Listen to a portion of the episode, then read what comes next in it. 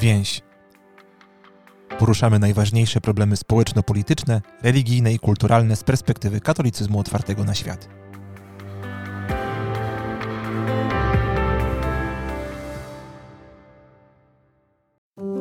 Zacierają się w Europie granice między wiarą a niewiarą.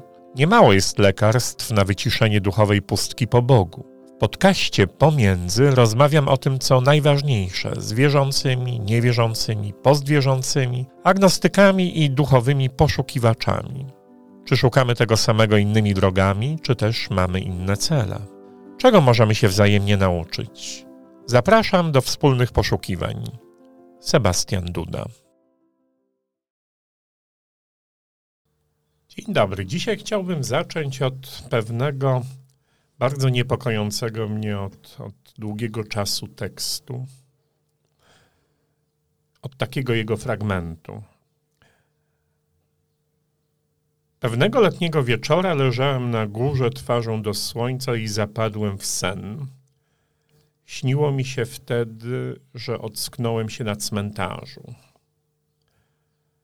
Obudziły mnie obracające się tryby zegara na wieży. A potem zobaczyłem umarłych, którzy z wyrazem nieprzemijającego cierpienia krzyczeli: Chryste, czy nie ma Boga? Chrystus odrzekł: Nie ma. I mówił dalej: Przeszedłem przez światy, Wstąpiłem na słońca i wraz z mlecznymi drogami przeleciałem przez pustynię nieba, ale nie ma Boga. Stąpiłem w głębiny, dokąd tylko byt rzuca swoje cienie i zajrzałem w przepaść i zawołałem Ojcze, gdzie jesteś? Ale usłyszałem tylko odgłos wiecznej burzy, nad którą nie panuje nikt, a błyszcząca tęcza z zachodu, bez słońca, które ją stworzyło, wisiała nad przepaścią i spływała w nią kroplami. A kiedy spojrzałem w niezmierzony świat, szukając boskiego oka, wytrzeszczyło się ono na mnie pustym, bezdennym oczodołem, a wieczność legła na chaosie i szarpała go zębami, i przeżuwała samą siebie. Krzyczcie głośno, dysonanse, krzykiem rozproszcie cienie, gdyż jego nie ma. Bezbarwne cienie rozwiewały się tak, jak rozpływają się w ciepłym pobiebie, ścięte mrozem białym opary. Wszystko opustoszało. Umarłe dzieci, które obudziły się na cmentarzu, uklękły przed dostojną postacią na ołtarzu, przed Chrystusem i rzekły: Jezu, czy nie mamy Ojca? A on odpowiedział ze łzami: Jesteśmy wszyscy sierotami, ja i wy nie mamy Ojca. To dość przeraźliwy obraz, a i przeraźliwy tytuł ma ten tekst. Jest to tekst romantyka niemieckiego. Co prawda podpisywał się francuskimi imionami Jean-Paul, a zatytułował tę relację ze snu Mowa wypowiedziana przez umarłego Chrystusa ze szczytu kosmicznego gmachu o tym, że nie ma Boga. Dręczy mnie ten tekst, jak mówiłem na samym początku. Chciałbym dzisiaj o nim porozmawiać i o tym, jakie doświadczenie przywołuje, jakie doświadczenie ewokuję z kimś, kto jest mi bardzo drogi i bliski, a któremu romantyzm także jest bardzo bliski.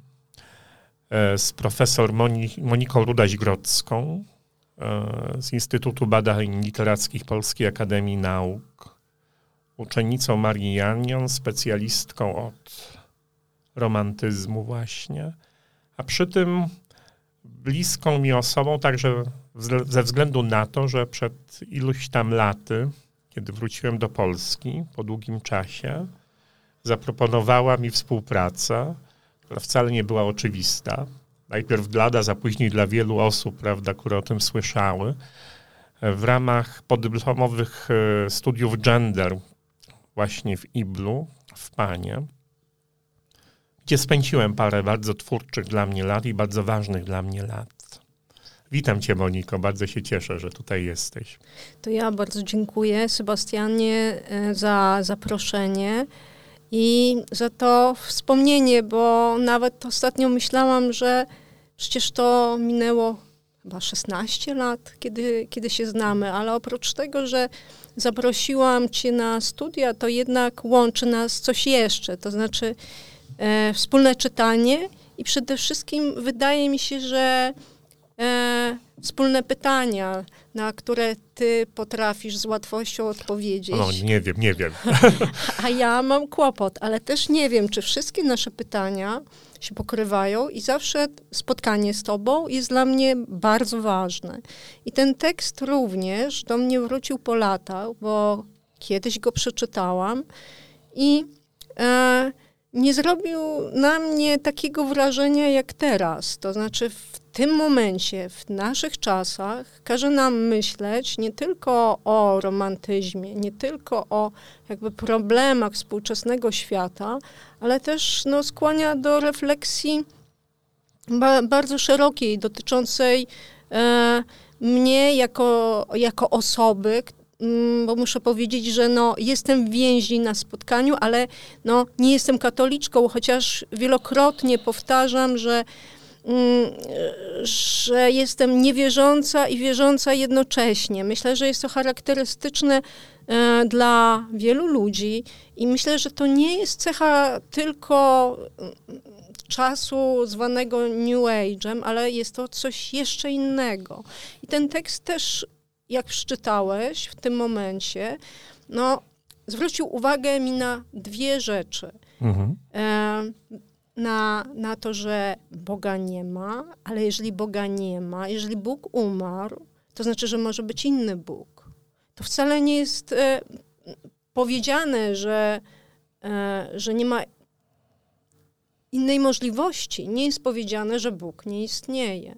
Dla mnie o wiele gorszą rzeczą jest to, że umarli nadal cierpią. I to jest coś, czego ja w ogóle nie pojmuję. Jest to bardzo bolesne, bo to cierpienie pojawia się chyba w dwóch czy trzech miejscach w tym tekście.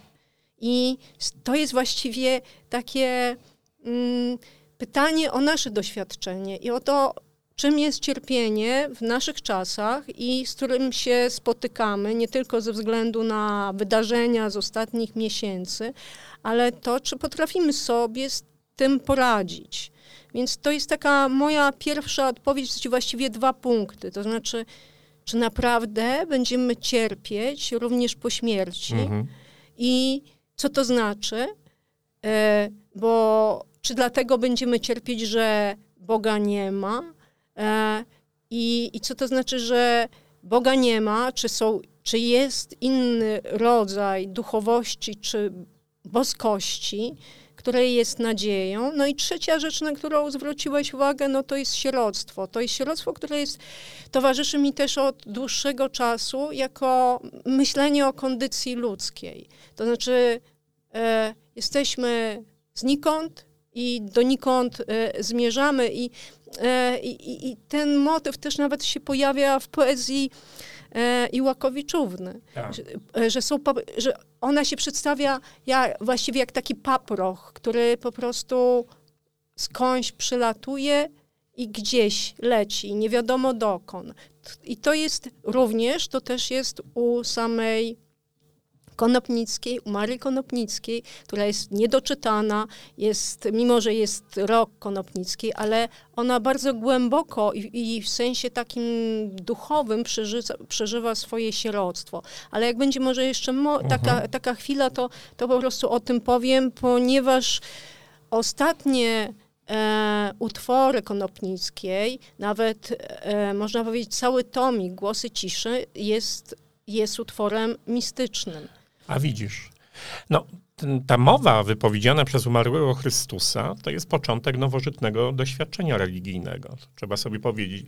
Ja myślę, że dlaczego to jest sen? Ma, masz jakiś pomysł? Czy Jean-Paul się przestraszył tego? Po prostu tej takiej intuicji, bo to jest intuicja dość y, okropna. Jeśli przyjrzymy się, nie wiem, dziejom Europy, prawda, i chrześcijaństwa, ostatecznie mamy martwego Chrystusa, który objawia, prawda, tym ludziom, jakby wstępuje do piekieł, prawda. Mamy taką tajemnicę teologiczną, prawda, bardzo dziwną, która długo nie była dobrze wyeksponowana dogmatycznie nawet. W zachodnim kościele to się pojawiło dopiero w XIII wieku jako artykuł wiary. Stąpił do piekieł i też pojawiła, pojawiła, pojawia się słowo piekła, inferna właśnie mhm. wtedy. I oczywiście chodziło o otchłań, o to, co nie jest jeszcze takim piekłem, prawda, po Chrystusie, po, po jego zbawczej misji, ale on tam wchodzi i się spotyka z umarłymi. To jest jakby odzwierciedlenie tej sytuacji, prawda? Ci umarli cierpią, E, i pytają go, gdzie jest Bóg, a ów martwy Chrystus odpowiada im, że Boga nie ma. To jest doświadczenie wielkosobotnie, prawda, tego czasu, prawda, między Wielkim Piątkiem a zmartwychwstaniem, w takim chrześcijańskim, symbolicznym, prawda, czasie, najważniejszym czasie symbolicznym tej chrześcijańskiej narracji między śmiercią a nowym życiem Chrystusa, który się objawia jako nowe życie. I tutaj mamy ekspozycję czegoś, co nie jest tylko nieobecnością Boga. Myślę, że jest czymś więcej. Jest chyba, jeżeli Jezus mówi o tym, że jako umarli już Boga nie znajdziemy i On sam go nie znajdzie, no to to jest dramatyczne wyznanie dramatyczne i prowadzi nas chyba w stronę doświadczenia, no, które staje się i wśród samych chrześcijan powszechne, tak mi się wydaje teraz, jeżeli ktoś nieobojętnie jest zupełnie na te treści, ale i wśród ludzi, którzy nie są formalnie chrześcijanami albo nie przynależą do wspólnot religijnych, ale jakoś się do tego doświadczenia, no, wszystko jedno, głębinowo czy archetypalnie odnoszą i próbują siebie także widzieć w nim, jakoś siebie wytłumaczyć, to doświadczenie także takim ludziom jest nieobce. I się pojawia właśnie wraz z romantyzmem, jako pewien typ religijności, oczywiście wzięty w nawias, ciągle jako sen. Ale dlaczego właśnie jako sen? Poetyka snu w romantyzmie była bardzo popularna, więc mhm. e, trzeba wziąć pod uwagę taką licencję poetykę. Więc, e, więc, więc było to na pewno też e, i, i wygodne, ale również przecież e, mm, to jest rodzaj takiego przesłania, ponieważ jak, jak powiedziałeś, no jest to zejście do piekła, to jest ten moment, można powiedzieć, wielkosobotni i i, I też tam się znajduje pewne ostrzeżenie, to znaczy nie ma Boga, ale On się zwraca do tych, którzy żyją. Jeżeli teraz nie uwierzycie, to potem będzie za późno. No tak, ale to jest pewne zaprzeczenie także. Ja, ja odbieram ten sen jako negację tego, że mamy taką rzeczywistość, ale nie chcemy jej uznać, więc uznajmy, że to tylko do nas przychodzi, ale jako mara, jako coś, co jest, prawda, nie do końca E, dostępne w takim porządku, nie wiem, naszej oczywistości egzystencjalnej? Mm, znaczy, nie jestem do końca pewna. Wydaje mi się, że sen e, odgrywa taką samą rolę jak rzeczywistość, zwłaszcza, że rzeczywistość nie zawsze też w pełni jest przez nas odbierana jako coś istniejącego.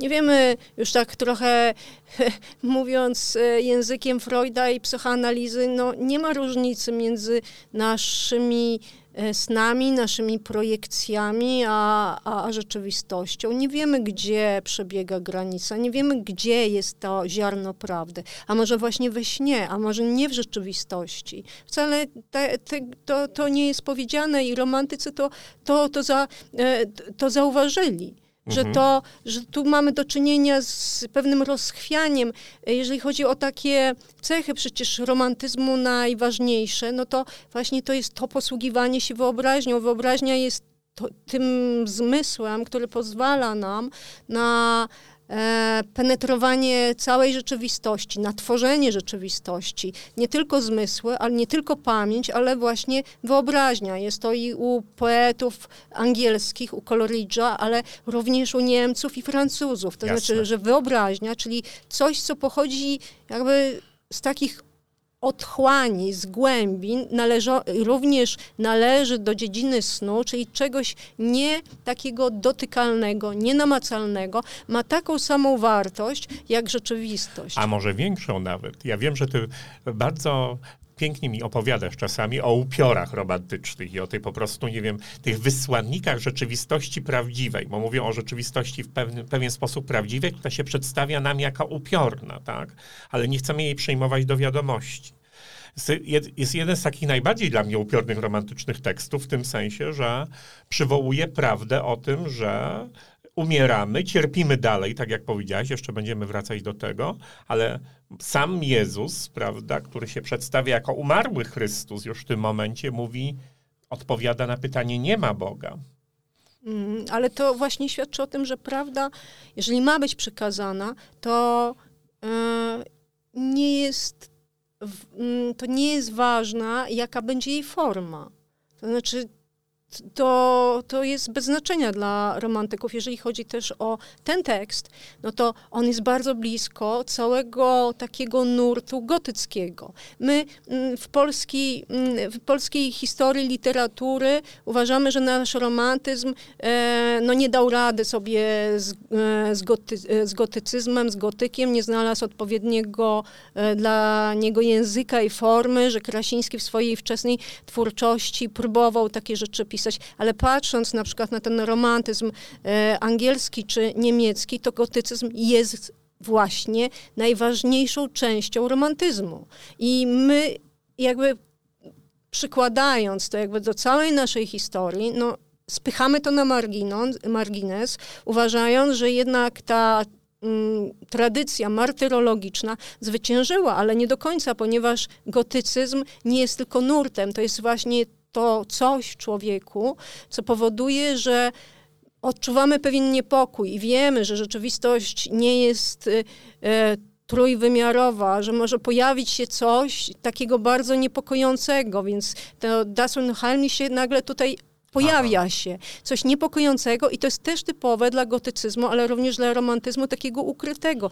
Więc, e, więc na pewno ten, e, ten tekst wpisuje się e, w gotycyzm europejski. My odrzucamy gotycyzm w Polsce, uważamy, że to jest ornamentyka literacka w dużym stopniu, a dla mnie jest takie zastanawiające, że on się pojawia na przykład w kulturze popularnej teraz bardzo mocno. I to też jest no, nie tylko scheda po romantyzmie, ale być może wskazuje na to, że właśnie te wszystkie upiory, prawda, i cały ten, ten, ten sztafaż gotycki, romantyczny, służy jednak przekazywaniu treści dużo poważniejszych niż jakieś, prawda, historyjki, tak jak sobie, nie wiem, unieważniamy to, mówiąc, a to o, o, o nic poważnego nie chodzi w tych gotyckich, prawda, elementach romantycznych ten upiór, który się pojawia, mówi prawdę, tak? Najważniejszą prawdę. A dlaczego upiór? Tylko dlatego, że jest zawieszony między nami a tamtym czymś, co jest nieznane, czy...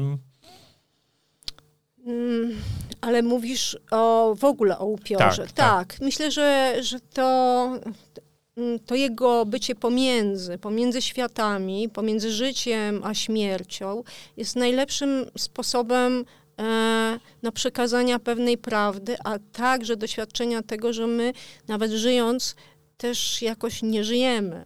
To, to więc to, to jest to doświadczenie, które przychodzi też poprzez różne formy, poprzez przez właśnie upiory, widma, ale przez kulturę popularną. To jest to nawet przez filmy zombie. Zombie, przecież one w tej chwili od paru lat no, są niezwykle popularne. I co mówią filmy zombie? Że nie żyjemy przecież. E, a, a, ja, a jakoś trwamy. E, nie dlatego, że umrzemy, tylko dlatego, że w tym naszym życiu jakoś ta śmierć w nas jest i to niebycie. E, I ja więc też otchłań, która tu jest bardzo ważna, bo to jest doświadczenie nicości i otchłani. I nie ma to tu takiego kontekstu mistycznego na przykład. Nie ma. I tu, tu, tu jest po prostu czysty obraz. E, można powiedzieć, że to jest taki obraz naturalistyczny. To jest takie odsłonięcie kurtyny. A teraz zobaczcie, jak to jest. To jest sen, ale tak naprawdę to jest to, e, co was czeka. To jest ciekawe, dlatego że no Jezus odpowiada im tak, że Chrystus ten umarły, tym umarłym tutaj, martwy Chrystus odpowiada im, że nie ma Boga, ale nie ma Boga, który jest Ojcem. Także I to jest kolejny jakby taki moment, prawda, który wyznacza mi tę ścieżkę nowożytności. I być może nas prowadzi także w kierunku tego feminizmu, prawda, z ekspozycją religijną, tak? Nie ma Boga, który był Bogiem. No, często mówimy o śmierci patriarchalnego Boga. Są takie spory, które no, dla nas może są, nie wiem jak dla słuchaczy, no, takie już, nie powiem, że przebrzmiałe, ale brzmią często oczywist, dość oczywisty sposób, ale one dalej jednak funkcjonują właśnie dlatego, że wyrażają jakąś nieadekwatność doświadczenia religijnego przede wszystkim kobiet w odniesieniu do tego, co było taką typową chrześcijańską schedę, schedą. A tutaj Jean-Paul, prawda, no, mówi też wyraźnie, no nie ma Boga, nie ma Boga, który jest ojcem. Ten, ten, ten Bóg jest, prawda, uśmiercony. Tak, to znaczy tutaj mamy do czynienia z takim unicestwieniem Boga, ale też nie ma obrazem tutaj e, powie, matki, jakbyśmy oczekiwali. Więc, nie ma. E, więc jest, jest rodzaj takiej pustki i takiej ale właściwie ta religijność tam jest, to znaczy ona ma formę taką, powiedziałabym, eteryczną, to znaczy cały czas ta duchowość i religijność e, tam jest, to jest jakby, tym się oddycha w tym tekście. A, a jeżeli chodzi no, o podejście takie feministyczne, no to e, chyba najważniejszą postacią dla, e, dla feminizmu no jest sam Chrystus, ale mhm. tutaj jest umarły, więc trudno tutaj, mm, mm, trudno tutaj w tej chwili o tym mówić, bo, bo jak wiesz, no to ten nurt feministyczny czy kobiety zaczyna się od pietystycznego, ale czy nawet od XIII wieku i od e, takich doświadczeń mistycznych i zbliżenia się z ciałem Chrystusa. Chrystusa tak. Więc e, z ciałem Chrystusa, które staje się tak naprawdę ciał, ciałem kobiecym, bo poprzez cierpienie, poprzez wspólne doświadczenie. I tego tutaj nie ma. Tutaj jest mowa o czymś innym. Tutaj mamy o, obraz kosmosu. Właściwie taki to jest obraz kosmologiczny. Taki, no to co właściwie e, znajdujemy się na końcu, na końcu świata. Może to też jest rodzaj sądu ostatecznego, bo otwierają się groby, wychodzą, wychodzą umarli, a zarazem nie jest to jak, e, to nie jest też rodzaj apokalipsy, bo nikt nie zostaje tak naprawdę osądzony. Nie, nie ma sądu, jest tylko ta właśnie zatrzymana wieczność, tak, tak. na stropie.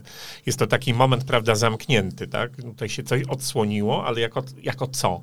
Jako typowa sytuacja kosmologiczna właściwie zegar się zatrzymuje. Mhm. I, to też jest, e, I to też jest gra, jakby tutaj już jakby z nadchodzącym, można powiedzieć, oświeceniem i z takim mechanistycznym rozumieniem świata, ale wskazówki się zatrzymują i potem widzimy drugi obraz, kiedy wieczności, która jest zamiast tego zegara. Więc mhm. to jest po prostu coś takiego, co powoduje, że nagle ten czas przestaje istnieć, więc, e, więc zostaje, zostaje nam tylko to miejsce, które się zapada potem do, do, do, do właściwie do przez, do miejsca takiego małego chyba kościoła na, na koniec. To jest kościół, znaczy cmentarz i kościół, kościół. prawda? Są tutaj takie dwa miejsca, prawda? Cmentarz i, przy koście, e, i, i przycmentarny kościół, którym się tam spotykają właśnie z tym martwym Chrystusem. To jest obraz otchłani.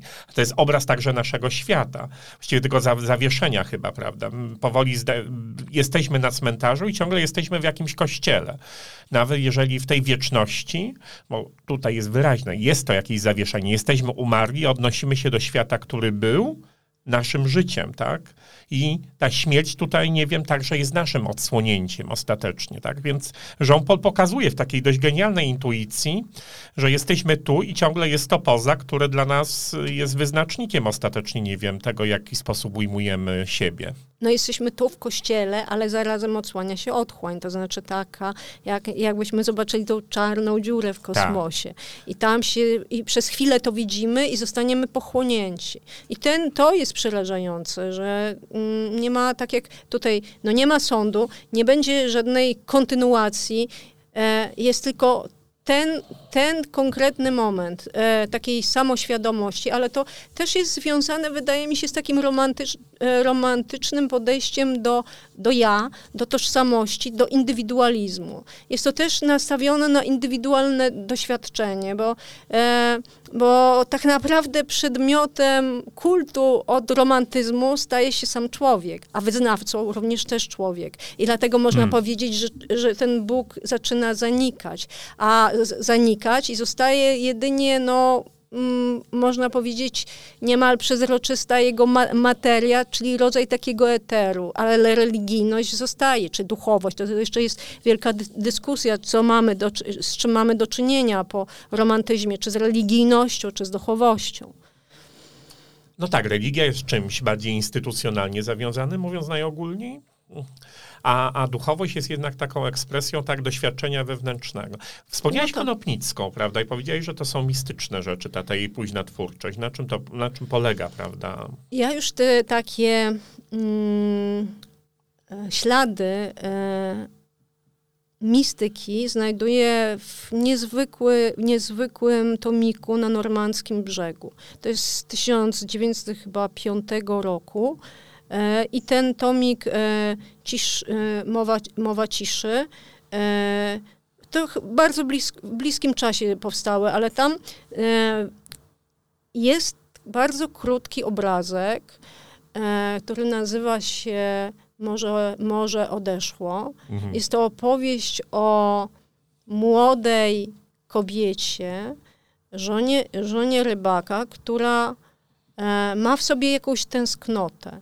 I, e, i, i narratorka, którą najczęściej jest sama Konopnicka, przygląda się jej. I, I najpierw myśli, że ona jest chora, to znaczy, że ona tęskni za czymś, bo ta dziewczyna wychodzi na brzeg morza i śpiewa. I taką śpiewa tęskną mm, pieśń, że oni nie wrócą. I myśli, że tęskni za swoim mężem, ale mąż wraca. E, I to nie jest on, to znaczy, że jest wiadomo, jacy są rybacy, ogorzały, plujący, e, z czarnymi zębami, e, chrapiący i tak. I on, ta, on, Konopińska przedstawia obraz tego męża, myśli, ma kochanka. Ale ktoś jej mówi, nie, ona nie ma kochanka, ona choruje na dalekość. I zaczyna się zastanawiać, czym jest ta dalekość, no bo co to jest za tęsknota, tęsknota, która mm, pojawia się y, u osoby, która stoi nad brzegiem morza i patrzy na, na przypływy, odpływy, na formy, które mm, przybierają, e, przybierają jakiś kształt, potem się rozpływają. I potem e, narratorka mówi, że to jest chyba taka tęsknota mm, która nie ma przedmiotu, a Aha. być może, że na, najpierw myśli, a może to jest tęsknota za pięknem, za dobrem, więc pojawiają się platońskie formy, czyli e, ale również tęsknota jeszcze za czymś nieokreślonym. I, I to jest to doświadczenie mistyczne, które się pojawia, że to ta tęsknota nieokreślona to jest coś, co nas zmusza do wychodzenia z siebie no i poszukiwania, poszukiwaniu tego, co jest w morzu, za morzem, jeszcze dalej. To jest to doświadczenie mistyczne. Ale przedmiotem nie jest osobowy Bóg, przedmiotem tej tęsknoty i to jest ciekawe.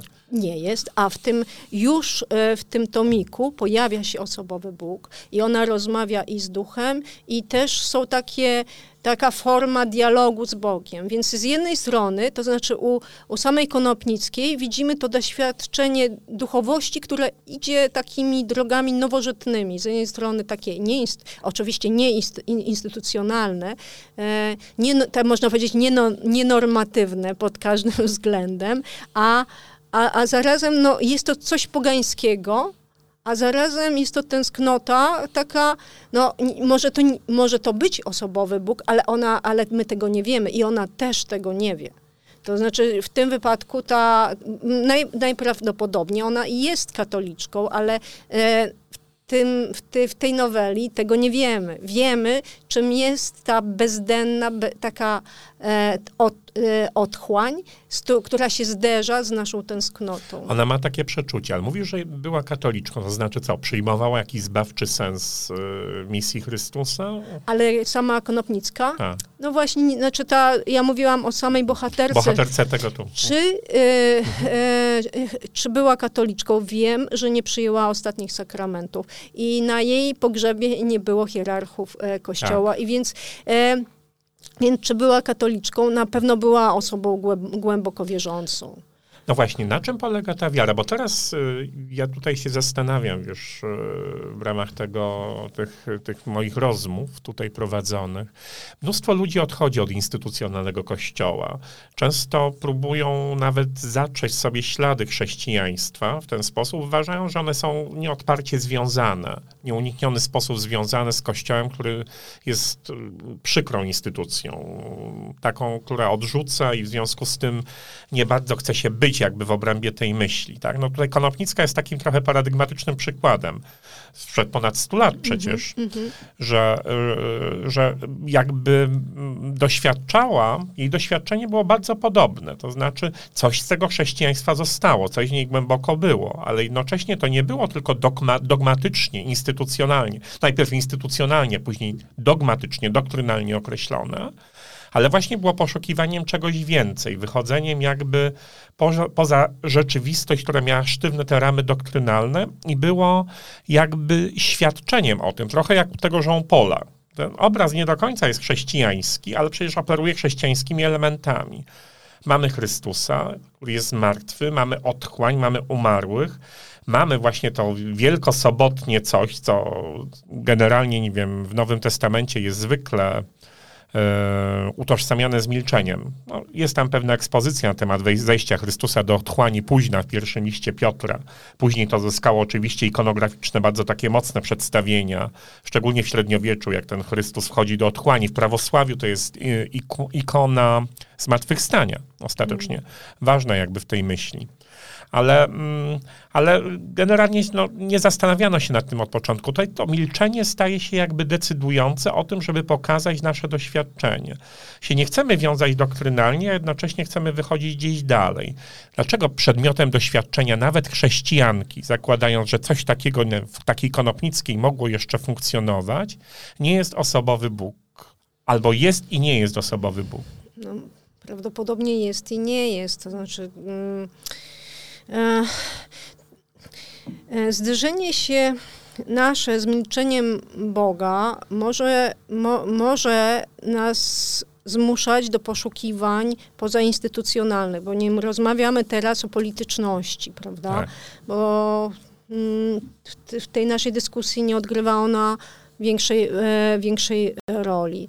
Ale na, mm, myślę, że ważniejsze jest chyba nasze takie wahanie, to znaczy takie, ta niepewność nas samych co do naszego doświadczenia, to znaczy takiego doświadczenia nawet codziennego, czy naprawdę e, jestem wierzący, czy, wierząca, czy nie. To znaczy, z jednej strony jest nasze wahanie, z drugiej strony milczenie.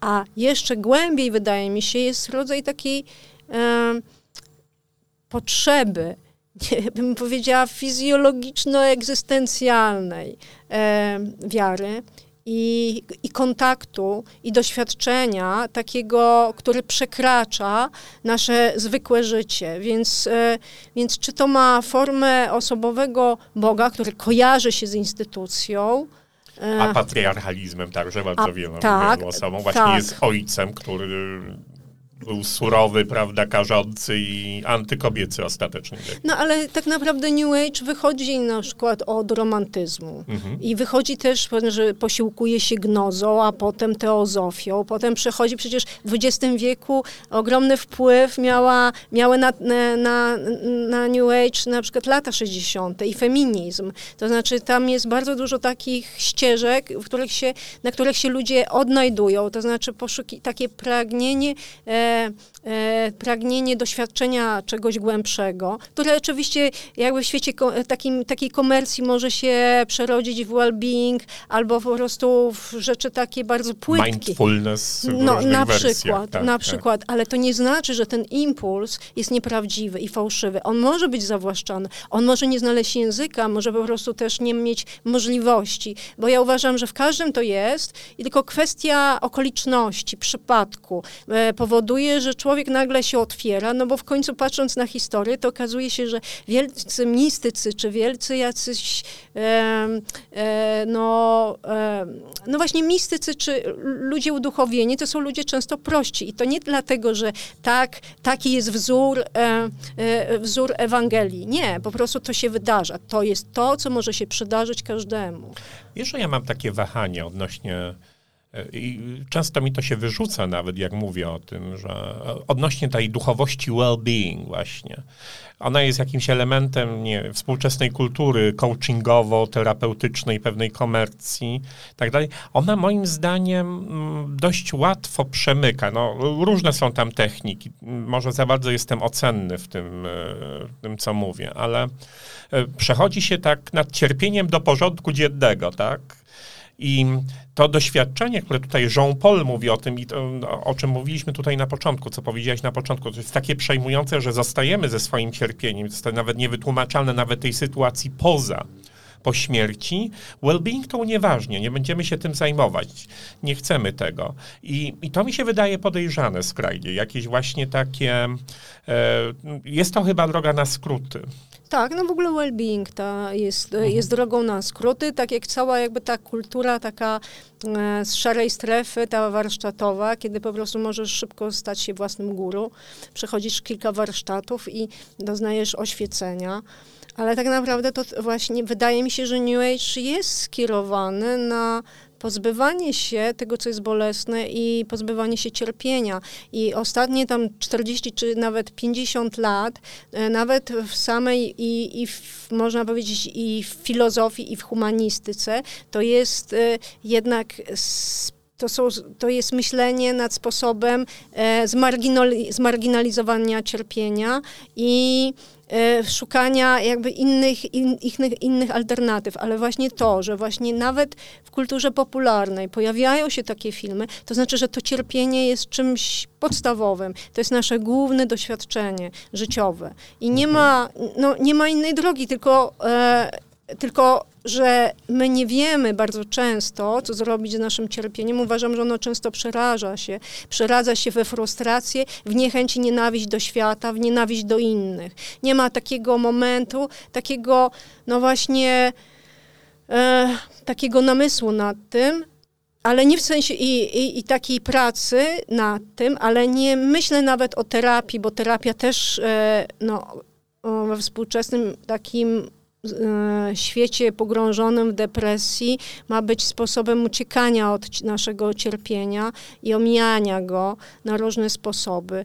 A e, zdarzenie się z cierpieniem to także jest takie, to, jest spotkanie twarzą w twarz, tym, no, e, też z pewną prawdą, ale z czymś jeszcze, z tym, z tym naszym ograniczeniem i czymś jeszcze, ale w tej chwili nie wiem, bo może, że, może ty dodasz. No wiesz, to jest ten Jean-Paul, to jest takie bycie w otchłani, prawda, jako takie nasze doświadczenie i bycie w otchłani, które jest dla mnie ważne o tyle, że to jest bycie w otchłani z martwym Chrystusem.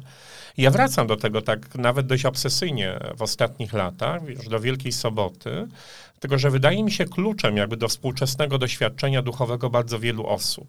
Ale, ale to jest depresja. Właśnie jak, jak, tak. jeżeli byś przedstawił komuś na terapii ten obraz, to by no, to zostało unieważnione że... natychmiast. Znaczy nie zajmujmy się cierpieniem, bo cierpienie mamy przezwyciężyć i to właściwie już w punkcie wyjścia. Tak, nie? i jest pan w depresji i trzeba sobie radzić w inny sposób, ponieważ no, ten obraz jest tak dojmujący, że no, trzeba się go pozbyć po prostu. A mi się wydaje, że nie należy się pozbywać tych obrazów. Ale ludzie nieświadomie też się nie pozbywają, bo oglądają 150 e, czy 160 odcinków zombie, chociaż jest ciągle o tym samym. I tak samo wszystkie te filmy, bo nie mogą się od tego uwolnić. Znaczy uważają, że kultura popularna w jakiś sposób to kompensuje i załatwia ich problemy, które są y, przez nich nierozwiązane. No, dla mnie jako teologa oczywiście jest problemem też ten martwy Chrystus, który w jakiś sposób pozostaje ciągle martwy. E, kojarzy mi się to z takimi bardzo niepokojącymi tekstami, które, poetyckimi, które zostawił nam Aleksander Watt. E, no poeta bardzo taki y, intrygujący, także teologicznie niesłychanie trudny. No bo wiadomo, Żyd warszawski, komunista, te wszystkie okropne doświadczenia wojenne, ale to, że przeżywa nawrócenie w pewnym momencie i to przeżywa, jak mówił Miłoszowi, na dachu Łubianki, mając jakieś takie quasi mistyczne doświadczenie, słysząc tam Bacha, ni stąd, ni z owąd. E, no i staje się tym chrześcijaninem, ale nie potrafi nim nigdy być do końca. To znaczy nie potrafi uwierzyć jakby to, co jest sednem czegoś, mm, co chrześcijaństwo głosi. Dobrą nowinę o tym, że przejdziemy do, do pełni życia.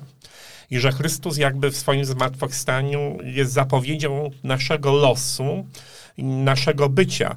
E, dla niego jednak ten Chrystus e, umarły, opuszczony właśnie, opuszczony przez Boga, zostawiony w tej swojej otchłani, jest obrazem naszego losu bardziej, a może jedynym obrazem naszego losu, więc trochę tak samo jak e, u Jean Paula i powtarza chyba to doświadczenie z tego, z, tej, z tego tekstu, który przytoczyłem, którego fragment przytoczyłem na początku.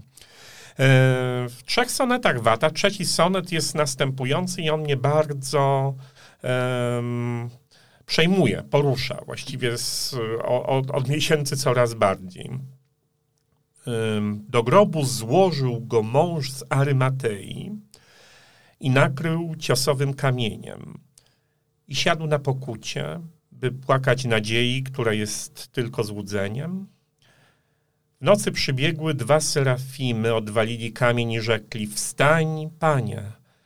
I rękę podali, by wstał i szedł z nimi, żeby się spełniło Boże zmartwychwstanie. Nie wstanę, rzekł do nich. Nie wstanę dopóty, dopóki człowiek nie będzie wyzwolon od śmierci i bólu.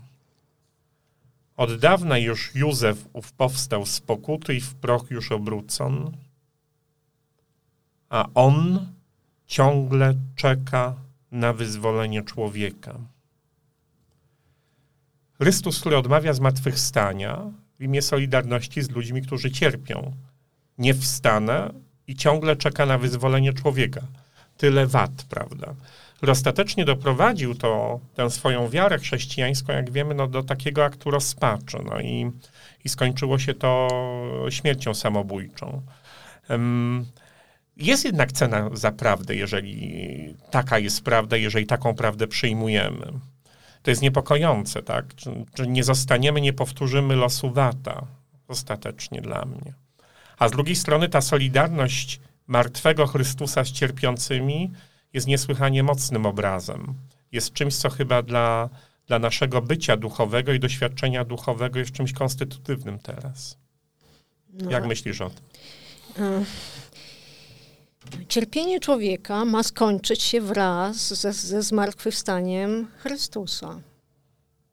Mhm. Więc dopóki, jeżeli on e, będzie martwy, to nadal będziemy cierpieć. A jeżeli on uważa, że wyzwolenie ma przyjść e, jeszcze z innego miejsca, skądinąd, no to czeka nas los e, e, Aleksandra Wata.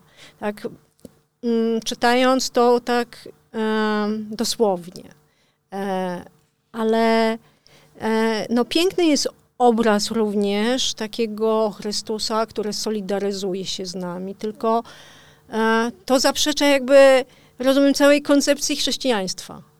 Mm, to no tego nie jestem pewien, a być może o tym jest chrześcijaństwo, tylkośmy, prawda, nie chcieli tego widzieć przez te 20 wieków do końca.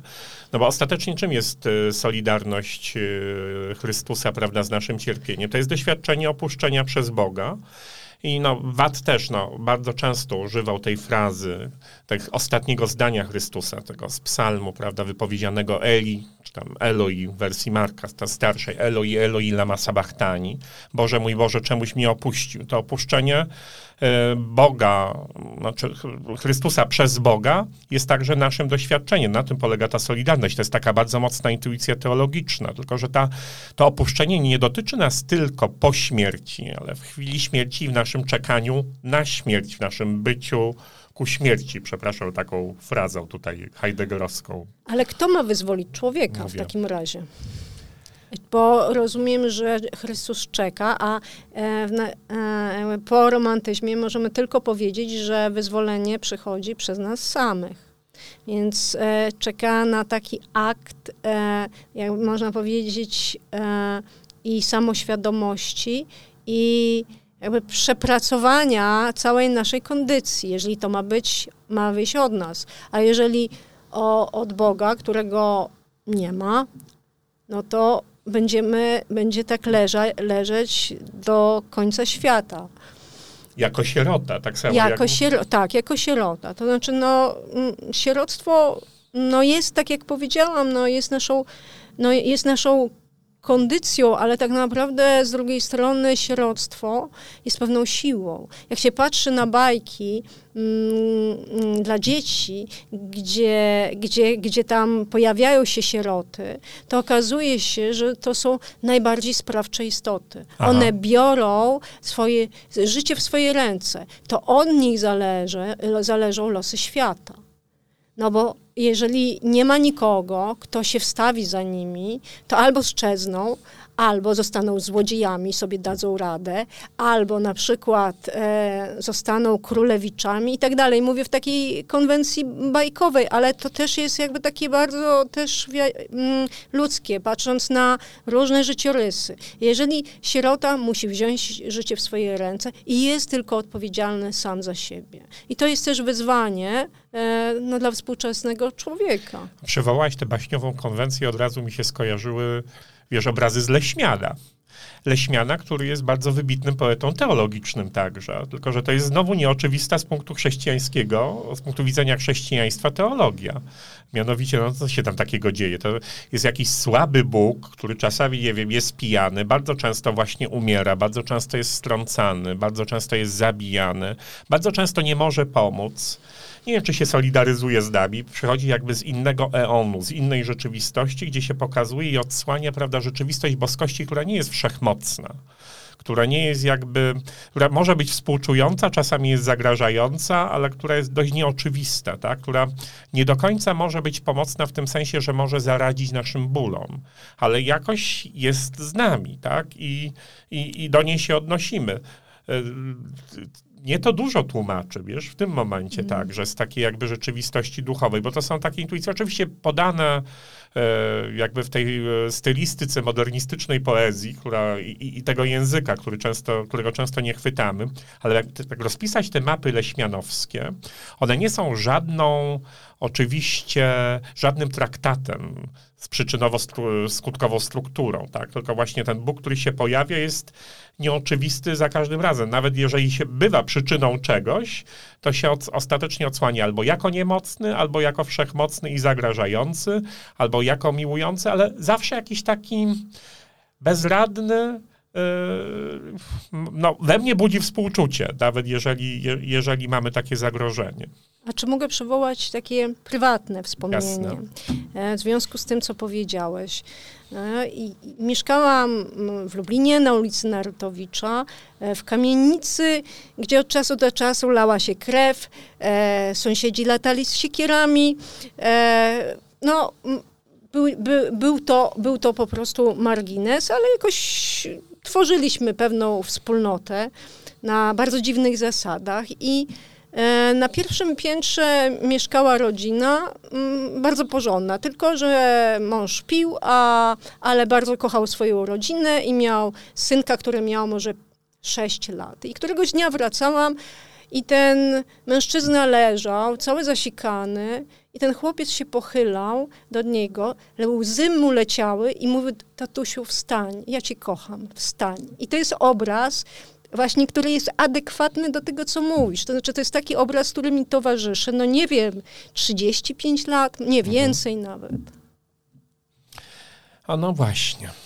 Bóg, który nie jest wszechmocny, jest Bogiem słabym, który jakoś się solidaryzuje z nami, którego nie ma, bo o, właśnie to też nie jest y, y, taka nieważna sprawa. O, sobie, wcale nie musi to być Bóg będący albo Bóg, który się odsłania jako istniejący. Właśnie to jest tylko Bóg, który może cierpieć z nami. To jest, to, to jest coś niesłychanie istotnego. Ja się tak zastanawiam, dlaczego ten tekst spolszczyła Maria Żmigrodzka, mm, e, przyjaciółka Marianion.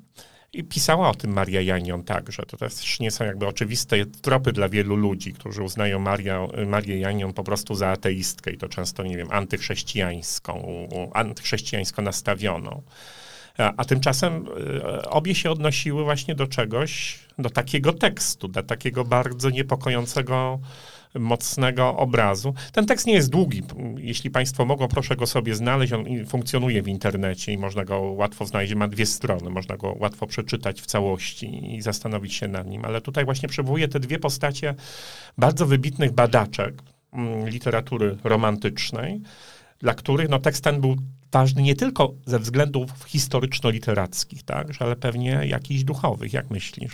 No, ja bym mm, nigdy nie śmiała powiedzieć, że Maria Janion czy Maria Żmigrodzka były ateistkami. Dlatego, że ateizm to jest, jest rodzajem e, takiego, takiego mm, jest to rodzaj narzędzia, który pozbawia nas e, nie tylko empatii, ale wyobraźni i możliwości e, czytania hermeneutycznego. I, i, I duchowość no, jest częścią, tak można powiedzieć, mm, w duchu Bergsona, częścią materii. I, e, i, i Maria Żmigrowska jest autorką e, bardzo ważnej monografii o Elizie Orzeszkowej. Eliza Orzeszkowa też była uważana za Mm, za ateistkę, ale w jej takiej prywatnej autobiografii pod koniec życia ona pisze o swojej duchowości. E, e, więc e, i więc mm, taka łatka, która, która przylgnęła do nich, no jest nieprawdziwa, a Maria Janion, jak zajmowała się romantyzmem, to nie mogła też też nie myśleć o tym, co, czym jest duchowość, tak. czym jest religijność, czym jest doświadczenie wewnętrzne. Więc... Nie mogła sobie po prostu unieważnić upiorów jako tylko nie właśnie można. ornamentyki, prawda, czy czegoś takiego. Nie można, nie, na pewno nie. Mhm. No widzisz, no przy, przy takiej okazji o, o, odkrywamy coś zupełnie dla mnie niesamowitego. Mamy tutaj ten tekst Jean-Paula, mamy odniesienie do współczesnej duchowości i do tego, prawda, czym jest chrześcijaństwo, albo czym już nie jest nawet. Jest pytanie po prostu, czy ten obraz Wielkiej Soboty, dla mnie jako teologa, czy on zostanie z nami i jak go przeformułować? Myślę, że on jest dla wielu osób...